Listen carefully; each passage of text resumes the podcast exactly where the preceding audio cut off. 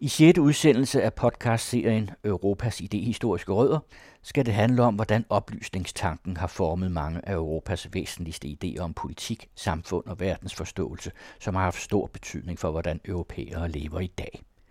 Serien er støttet af Europanævnet.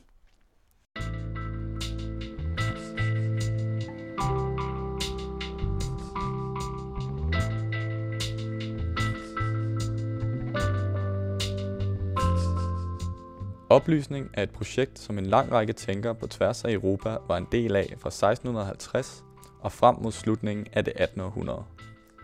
Målet var, at det enkelte individ forstod idéer som tolerance og harmoni, og derigennem frigjorde sig fra kirken og adelens indflydelse på menneskets levevis.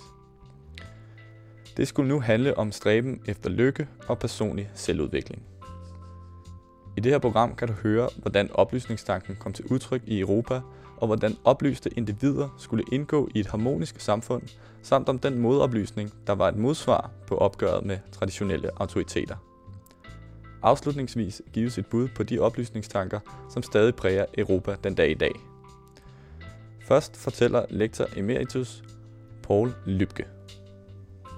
I betegnelsen oplysningstiden som i bred forstand, det refererer til en vifte af beslægtede idéer, som tidsmæssigt kan siges at være blevet udviklet i perioden fra ca. 1650 til 1800. Nogle starter lidt tidligere, og nogle går lidt senere frem.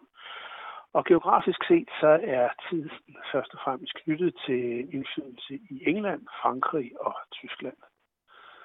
Og så er der været klart, hvis man ser på det, at der er store nationale forskelle i udviklingen og indflydelsen af de her idéer. Men øh, der er alligevel en række fællestræk. Altså helt overordnet, så har vi ideen om, at mennesket skal lade sig lede af sin fornuft, frem for af traditionen og andre eksterne autoriteter.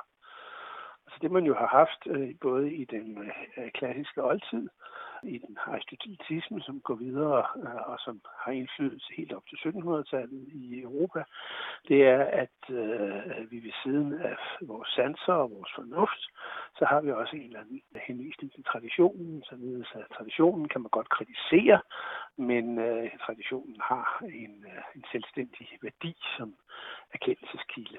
Og det bliver mere og mere til, at traditionen den nærmest kun øh, er noget, der står som en autoritet.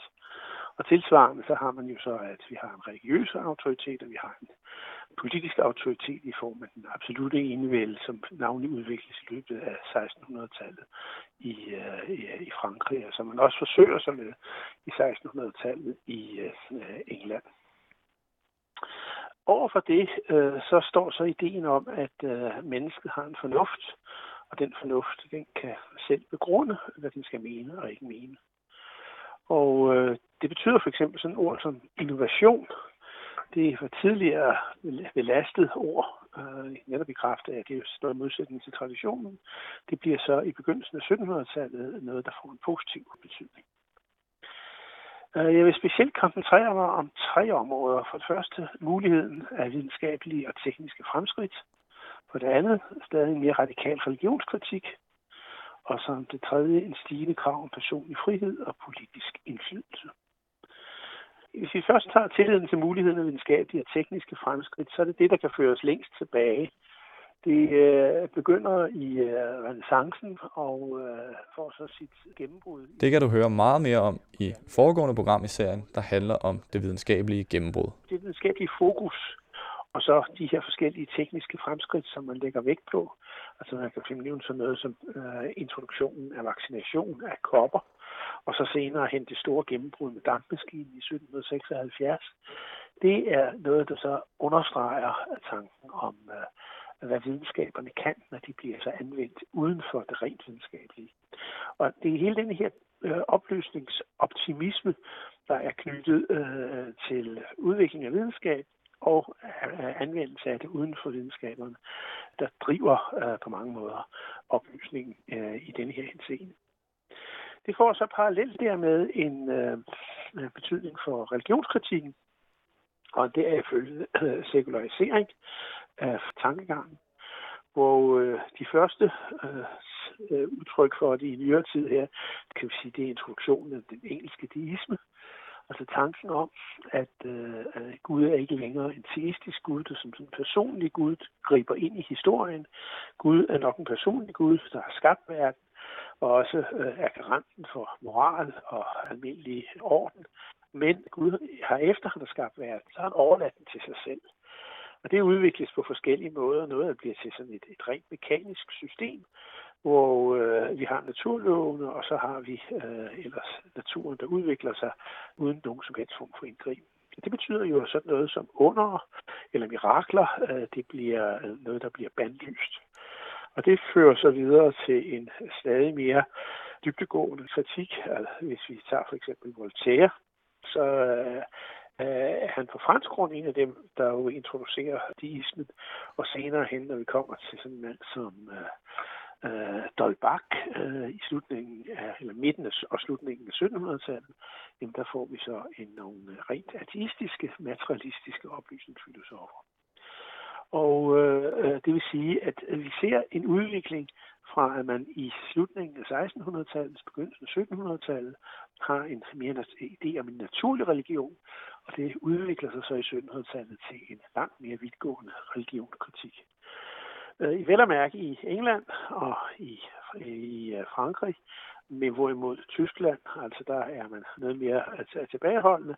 Man får nok en, en religionsfilosofi, men den bliver mere en opbakning af eksisterende autoriteter øh, i starten, end det, øh, som vi finder i, i England og i, øh, og i Frankrig.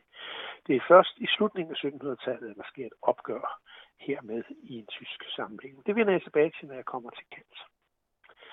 Og endelig som det sidste punkt, der er vigtigt, det er, at vi har en stigende krav om personlig frihed og en politisk indflydelse. Vi kan også sige en stigende grad af humanisme. Og den øh, indfaldsvinkel, den står i modsætning til det, som øh, ofte bliver fremført som noget af det, der baner vejen for oplysningstiden, nemlig de forskellige reformatoriske tilbøjeligheder i øh, Europa i løbet af øh, 1500-tallet. Altså hvis vi tager en mand som Luther, så var han øh, mildest talt ikke oplysningsfilosof. Hvis man skal sammenligne ham med noget i dag, så vil det snarere være sådan noget som en eller anden muslimsk øh, ayatollah, der forsøger at genintroducere en eller anden form for ortodoksi. Han var i modsætning til den katolske kirke. Den katolske kirke var på daværende tidspunkt i forlængelse af renaissancekatolicismen en meget åben form for kristendom. Der var højt til loftet. Det var der ikke på nogen måde inden for den lutherske øh, form for teologi. Derfor ser vi så også, at lutherske teologi den bliver en opbakning omkring det de nationale stater og en opbakning omkring et mere autoritært politisk system, der i første omgang øh, stærkt indskrænker den personlige frihed. For eksempel øh, forholdet til, til ægteskabet, øh, som tidligere man kunne have et lidt mere afslappet forhold til, i hvert fald i mere dannede kredse, det bliver nu skærpet gevaldigt efter reformationens indførelse. Ser vi så noget som i øh, Schweiz med Calvin, og øh, senere i England under den engelske despotisme, jamen der ser vi også, hvordan at der er mildest ikke oplysningstid på banen. Men indirekte får det betydning for oplysningstiden, fordi det, der sker, det er, at øh, de enkelte nationalstater får nu øh, i deres kamp med hinanden først og fremmest deres øh, betydning af at udvikle et byråkrati som baggrund for at kunne føre en, en krig imod hinanden. Ja, der øh, baner de vejen for, at der kommer nogle idéer, og de idéer, de viser, ender så i det stik modsatte, nemlig en idé både om religionsfrihed og en idé om personlig frihed og politisk indflydelse i almindelighed. Vi ser det i England.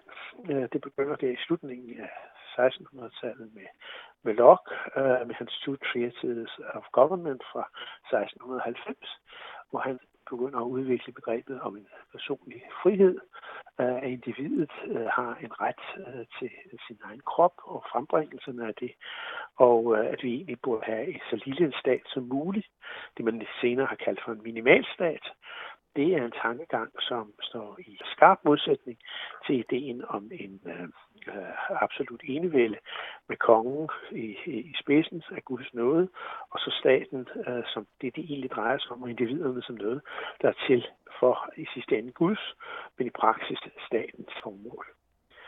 Uh, og det udvikler sig så specielt i den engelske sammenhæng, fordi vi jo har haft en fra engelske blåværdige revolution i 1689, hvor øh, borgerskabet, eller i hvert fald lavadelen kommer til, til ord, så kan udvikle rigtig borgerskab. Så der ser vi, at sådan nogle personer som David Hume og Adam Smith og senere Bentham, de kan øh, udvikle de her idéer om personlig frihed og øh, politisk øh, frihed. Og øh, øh så er Tyskland og Frankrig noget mere bagud. I Frankrig, der har vi sådan noget som diskussionen op til den franske revolution, men det er helt tydeligt, at der mangler det borgerskab, som man har i England til at drive det igennem i en politisk sammenhæng. Det sker først efter den franske revolution i 1789, og måske til syvende og sidst først med øh, Napoleon. Så et rigtigt borgerskab har vi fra, først i Frankrig omkring 1820-1830. Og Tyskland er klart mere bagud, men øh, vi finder, at nogle af de steder, hvor der er øh, en grobund øh, for oplysningstid, nemlig i Preussen, der er jo øh, for en mand som Emil Kant mulighed for at øh, overtage nogle af disse frihedstanker. Men vel at mærke transformere dem over så i noget, der er mere germansk, eller i hvert fald mere preussisk. Og det vil jeg gerne sige noget om lidt senere.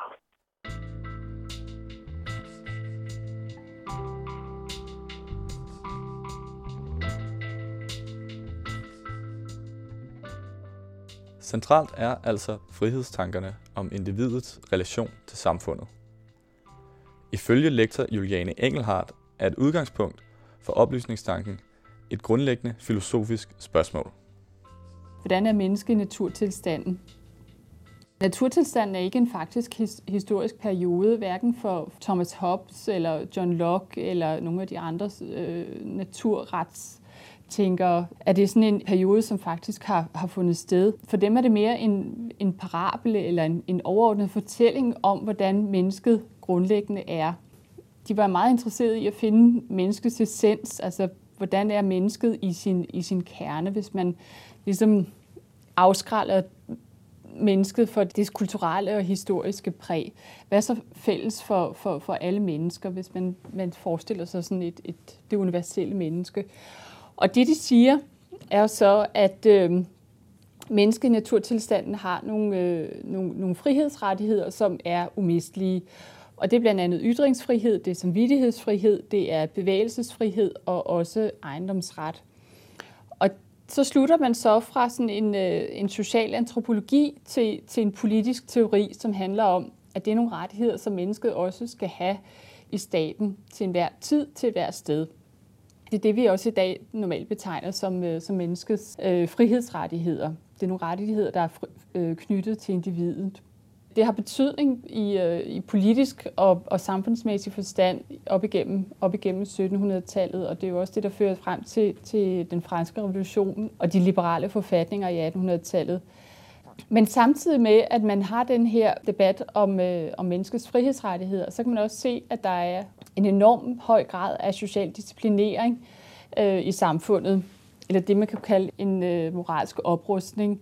Man kan for eksempel se det i, øh, i den offentlige debat, at man argumenterer først og fremmest i, i Storbritannien, hvor den frie debat først udvikler sig. Man insisterer på, at man har en grundlæggende ytringsfrihed, men samtidig er man også meget fokuseret på, hvor grænsen går. Altså, hvordan man afvejer det individuelle i forhold til, til det kollektive. Man har også nogle øh, foreninger i øh, England, som man kalder Societies for the Reformation of Manners, altså moralske reformselskaber.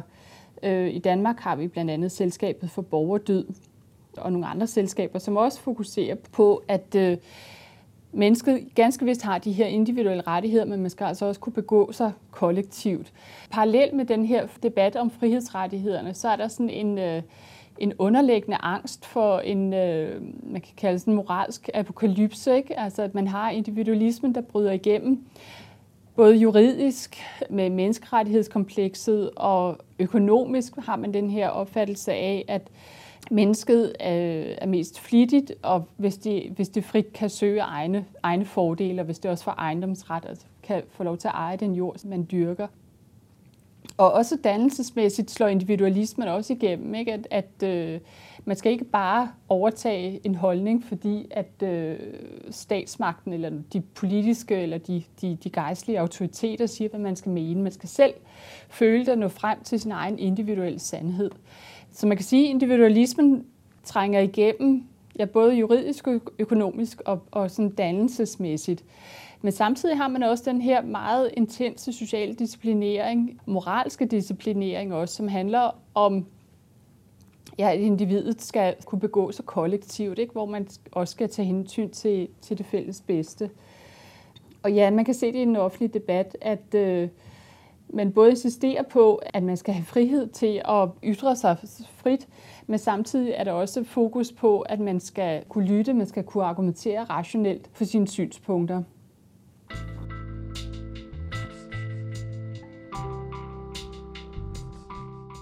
Vi undersøger nu oplysningstanken med udgangspunkt i den tyske filosof Immanuel Kant. Ordet er tilbage hos lektor emeritus Paul Lybke.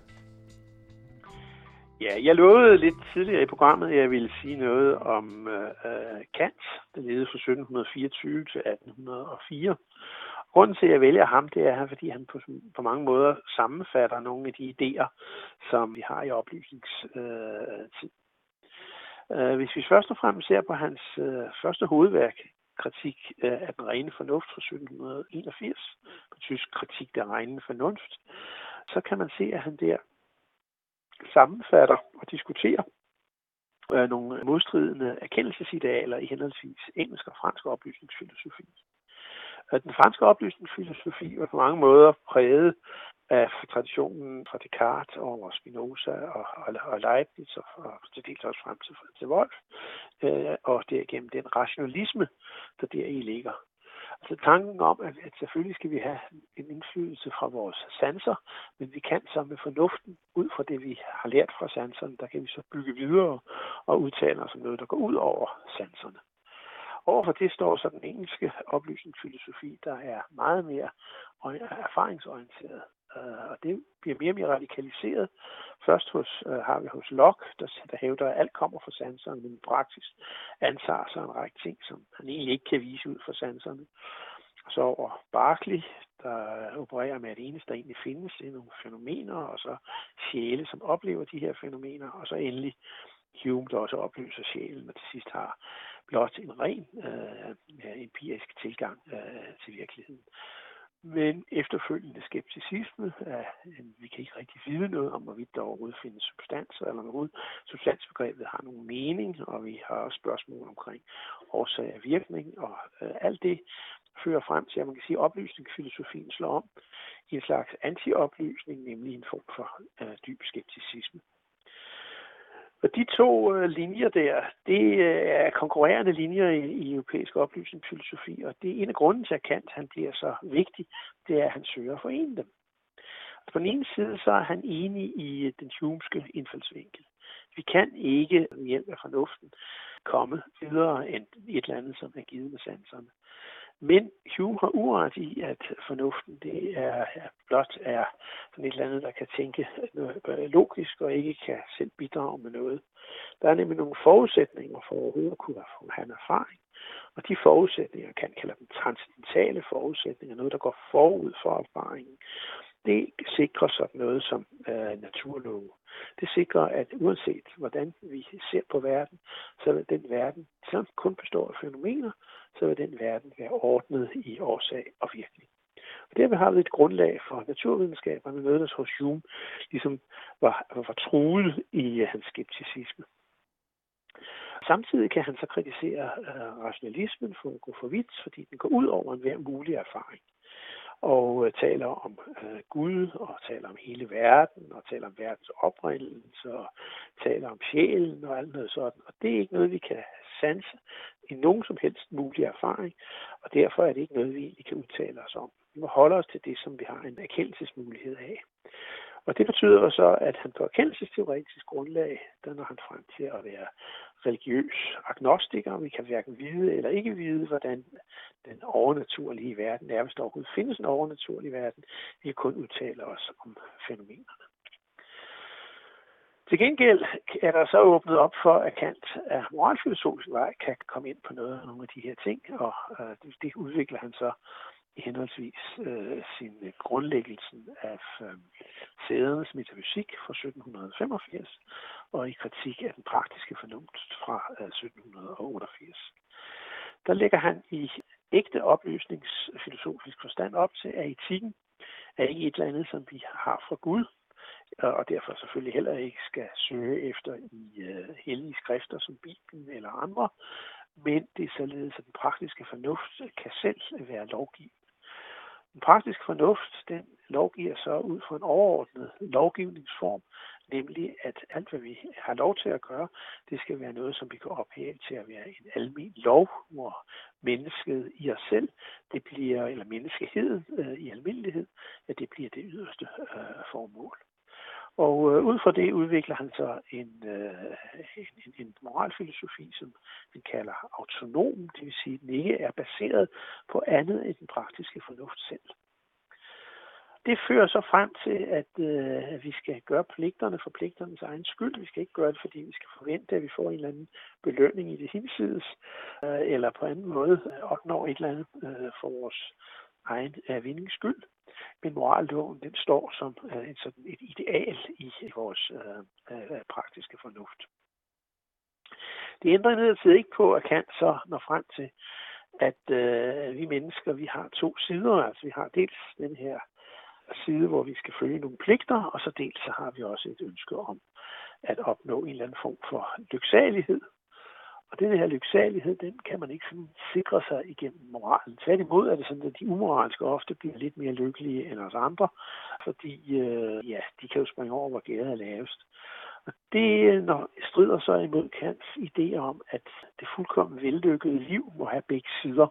Og så introducerer han ikke teoretiske grunde, ikke gennem et eller andet bevis, ikke gennem henvisning til en eller anden åbenbaring, men under henvisning til øh, et, praktisk øh, postulat, nemlig øh, postulatet om, at mennesket øh, må have en sjæl, der kan leve videre, øh, også efter døden, og at der må være en Gud, som sørger for at bringe orden i tingene. Og så introducerer han sådan en guddom, der nærmest minder om sådan en slags overdimensioneret preussisk embedsmand, der nøje finder ud af, hvem har gjort hvad i løbet af denne side tilværelse, og så bliver vi så dømt ud fra det, og så kommer der sådan ligesom orden i tingene ud fra Kants synsvinkel.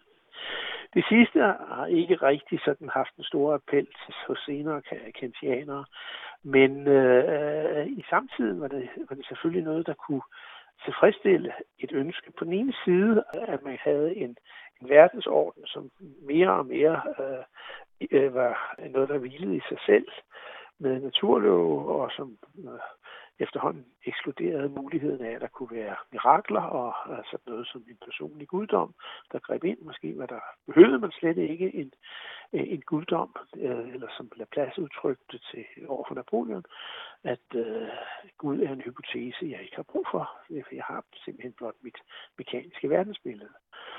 Men øh, samtidig var der jo i en almen forstand blandt det andet publikum en trang til, at varmetroen kunne bevares. Og det giver Kant her en mulighed for ved at skælne med den teoretiske fornuft og så vores praktiske postulater.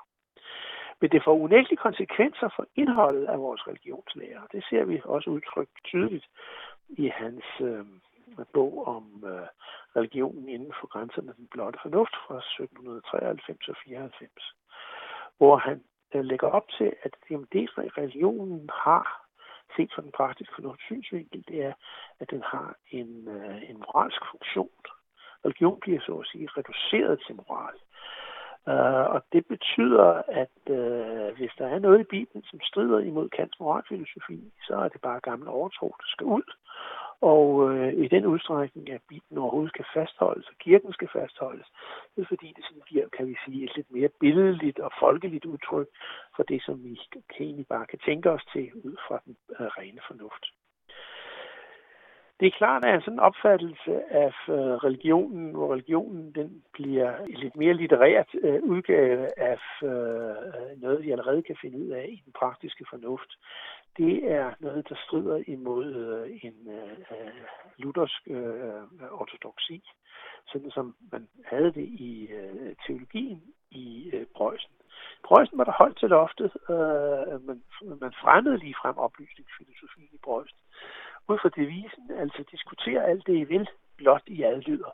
Så det vil sige, at øh, der godt diskuteres og sættes spørgsmålstegn i mange ting, men øh, når så monarken udtalte sig, så måtte man øh, klæ, øh, slå hælene sammen og adlyde øh, monarken og det, øh, det påbud, der blev givet. Og i det her tilfælde, i 1794, fik Kanser et påbud fra kabinettet om fremover at øh, offentliggøre noget omkring religiøse spørgsmål.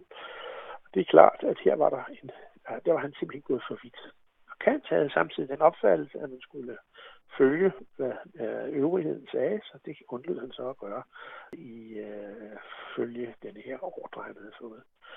Og det øh, jeg fik jo så efterhånden konsekvenser for dem, der var, ja, var kantianere, og vi kan helt frem så i begyndelsen af 1800-tallet se, hvorledes en mand, så en kantianer, som fik det, han bliver afskediget på grund af, at han drager konsekvenserne af det, Kant egentlig har sagt, og også går et skridt videre end, øh, end Kant.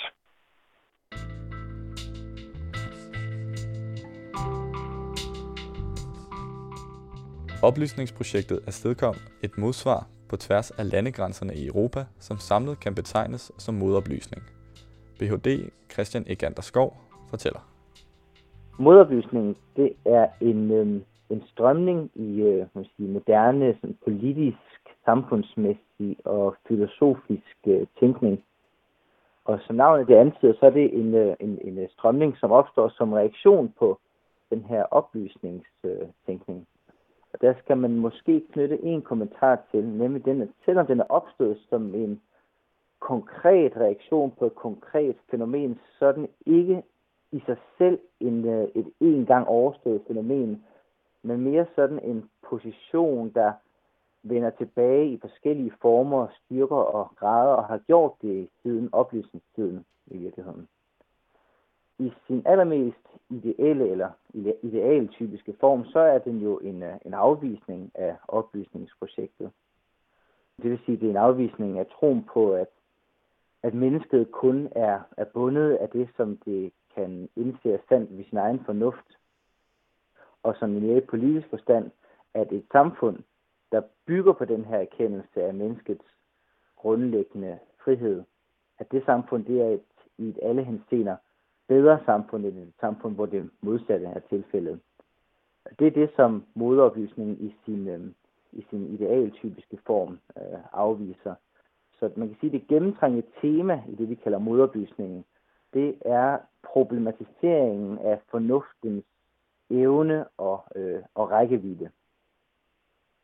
Hvis vi så igen bliver inden for den her idealtype, så kan man pege på, at, at modoplysningens navn jo er fortjent i den forstand, at det netop er en position, der først kommer på banen som reaktion mod øh, oplysningen. Og, og med det mener jeg, at den er ikke bare sådan en ældre tradition, en før oplysningstradition, der støder sammen med den her nye oplysningstradition. Er modoplysning det er i sig selv en, en ny position, en, i virkeligheden en moderne position, der opstår i og med moderniteten og i og med oplysningstænkningen. Altså man kan sige, at den lever af og på modsætningsforholdet til oplysningen, og det som den så at sige forsøger at gøre, det er, at den forsøger at vise, at oplysningens øh, emancipatoriske bestræbelse hele tiden vil slå over sin egen modsætning. Øh, den vil med andre ord øh, pervertere. Modoplysningstænker kan sige, at øh, oplysningens frihed det bliver til slaveri, og dens fornuft bliver til barbari, oplysningens øh, magtkritik bliver til øh, magtbrønde. Øh, man kan også sige, at modoplysning har som en, øh, en central del af sit ordforråd, eller mås- måske virkelig nærmere grammatik, det som øh, man har kaldt den øh, såkaldte perversionstese, altså som, som hævder alt det, jeg lige har sagt her med, at alle oplysningens bestræbelser slår over i deres egne modsætninger. Det er det ene. Det andet, som øh, man kan aflede det her med, at det netop er en reaktion på oplysningen, og ikke bare en ældre tradition, det er, at man må forstå, at modoplysningen er en offensiv position, mere end den er en defensiv position. Selvom den kan tage sig ud som et forsvar for, for verden af i går, så er den jo i virkeligheden i højere grad et angreb på verden af i dag, altså den moderne verden. og et, et angreb på verden af i dag, der så bygger på en kritik af, af, af verden af i morgen, kan man sige. Eller med andre ord, så angriber den uh, oplysningens iboende utopisme. Man kan sige, det, det forhold, at i den moderne verden, der adskiller i morgen så altid fra i dag. Og så den idé, der også ligger i oplysningen, nemlig at mennesket af den grund er herre over sin, sin egen skæbne. Mennesket er historisk skæbne. Øhm, her der understreger modoplysningen mere det her med, at mennesket altid er, er bundet af noget, der er i forvejen.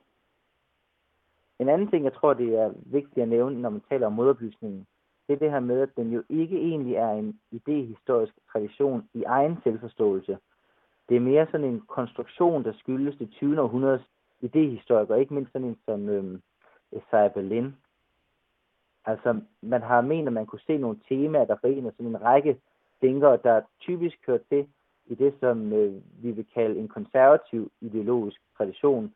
Og i første omgang, det var det, som Isaiah Berlin pegede på, så er det først og fremmest noget, der havde hjemme i, øh, i Tyskland, og senere har man så peget på, at det er noget, der også har eksisteret i andre lande. Hvis vi skal prøve at kigge på en sådan eksemplarisk repræsentant for den her modopløsningstradition, så vil det være en skikkelse som den som embedsmanden og, og forfatteren øh, Joseph de Maistre fra Piemonte, som øh, reagerer mod den franske revolution i 1789. Han øh, formulerer det, som man sådan typisk kalder for en trone- og alderkonservatisme, altså en form for politisk tænkning, der øh, har lagt vægt på kongemagten og, og kirken. Det lyder selvfølgelig sådan meget traditionelt og meget klassisk, men det interessante er, at det mestre, han vidste, at den orden, han forsvarede, allerede havde mistet den selvfølgelighed, som den engang havde haft. Og det nye er så for ham netop, at den må forsvares eksplicit. Den kunne ikke hvile på selvfølgelighed længere. Og det gør han så kort fortalt på den måde, at han for eksempel i, i hovedværket, som hedder essay om de politiske forfatningers generative princip, øh, gør op med den her kontraktteori for politisk magt, som ligger i øh, oplysningstænkningen. For sådan en som øh, det mestre, så kunne magt ikke hvile på en pagt øh, mellem to gensidige parter, fordi øh, et magtforhold jo altid er kendetegnet ved, at den ene part har magt, mens den anden ikke har. Altså der er en iboende asymmetri i et, øh, i et magtforhold. For det mestre betyder det så, at den politiske magt, den må ikke være underlagt fornuften, den må ikke være underlagt noget andet, og derfor så skal dens rødder så at sige føres tilbage, eller måske bedre hinsides fornuften. Det er kun sådan, at den kan være absolut, og kun som absolut magt er den i det hele taget magt, og kun som sådan kan den udfylde sin funktion, som er at skære et stykke orden ud i en verden, som ellers er præget af blod, krig og død. Så man kan høre, der ligger sådan en meget pessimistisk øh, tilværelsesforståelse i virkeligheden bag den her øh, moderbysningstænkning. Øh, det mestre, han er en hovedskikkelse i modoplysningstraditionen. Han er også sådan en, der opfattes, og det siger måske også noget, hvor de her tanker kan føre hen. Han er også en, der opfattes som øh, en tidlig ophavsmand til, øh, til fascismen, og det er der en masse debat om, hvorvidt det nu er øh, rigtigt, men der er i hvert fald nogen, der mener at kunne se nogle, øh, nogle forbindelseslinjer mellem den her tidlige modoplysningstænkning og så senere øh, totalitære positioner. Der, hvor det så øh, for mig at sige også bliver interessant, det er, at den jo også peger i andre retninger. Man kan spørge sig selv, jamen hvad så med en ideologi som konservatismen? Er den en modoplysningsposition? I en vis forstand, så bygger den jo i hvert fald på en kritik af øh, oplysningstanker. Og det er også helt klart, hvis man kigger på nogle landes konservative traditioner, jamen så har det meget stærke forbindelser til modoplysningen. Her er Tyskland øh, naturligvis det øh, oplagte eksempel, Tyskland frem til 2. verdenskrig, øh, vel at mærke.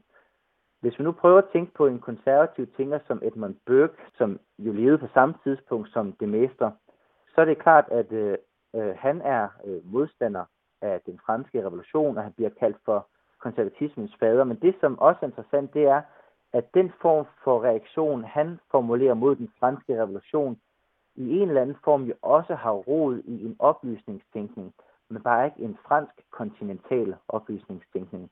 Altså Edmund Burke, konservatismens fader, er en, en form for oplysningsmand, der af, faktisk afviser den form for absolutisme, som øh, det mestre han, han hævder.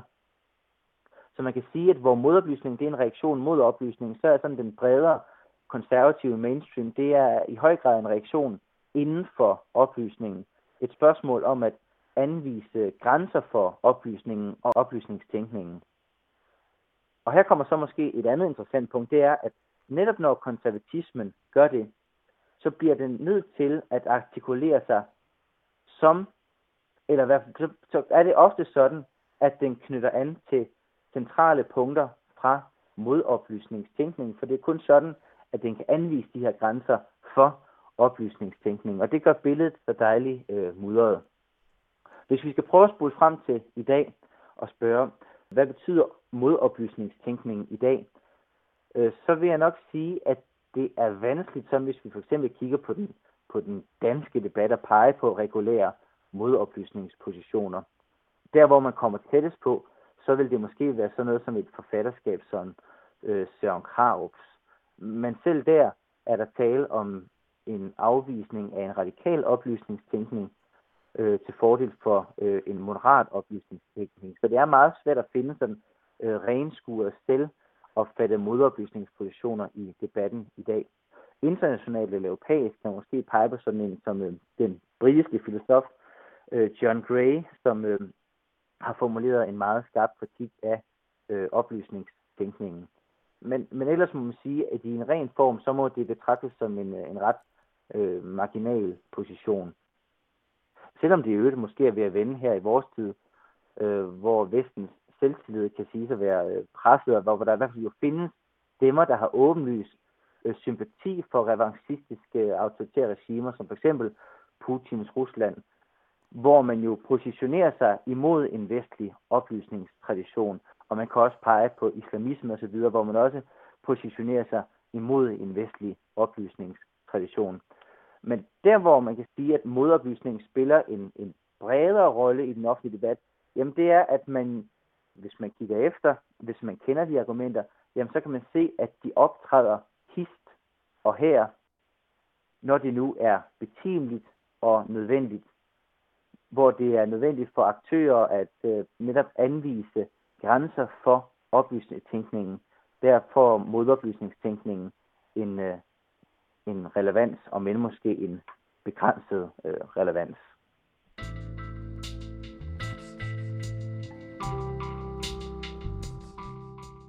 Men hvordan præger oplysningstanken Europa i dag? Det giver professor Frederik Stjernfeldt et indblik i her.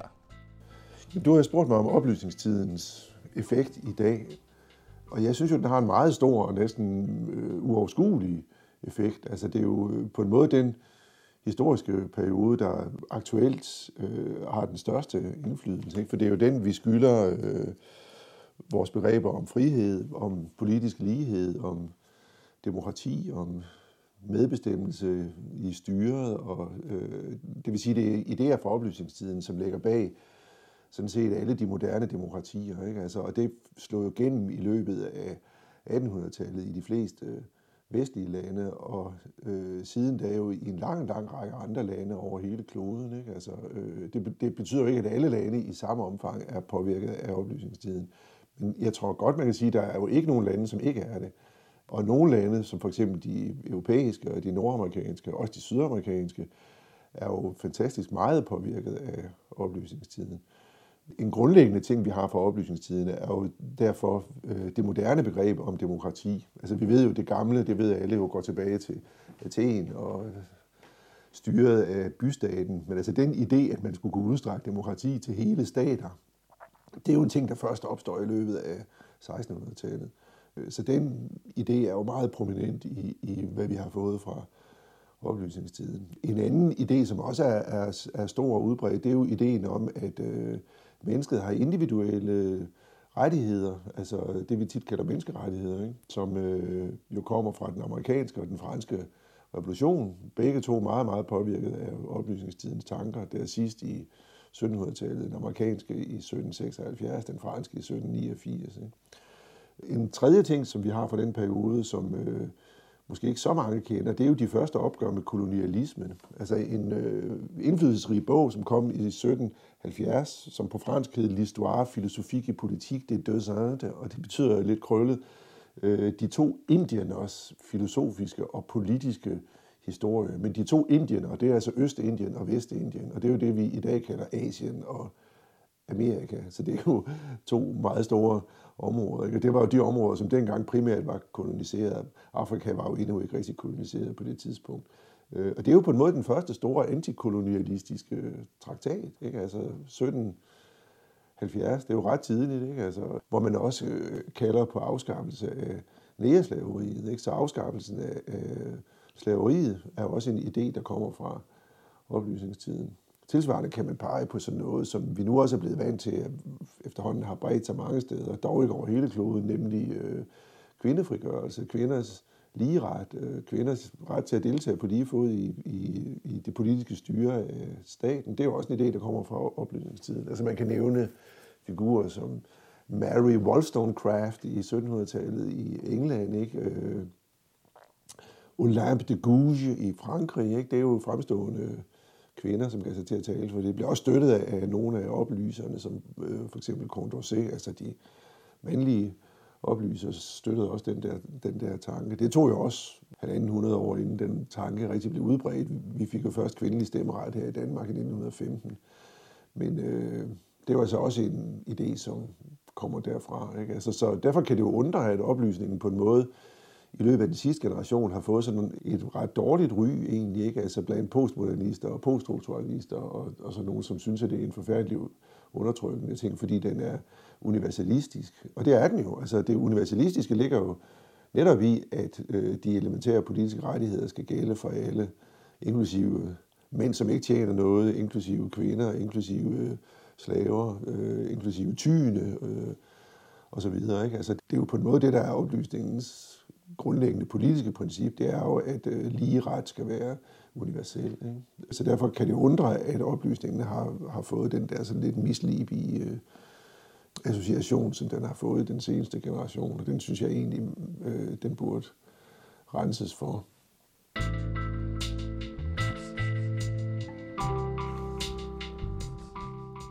Den anden radios podcastserie Europas idehistoriske rødder er tilrettelagt af Claus Bo Bjerglund Andersen, Thor Eiken Mulvad og Lasse Nyeng Hemmeke. I næste del af serien kommer det til at handle om nationalisme. Serien er støttet af Europanævnet.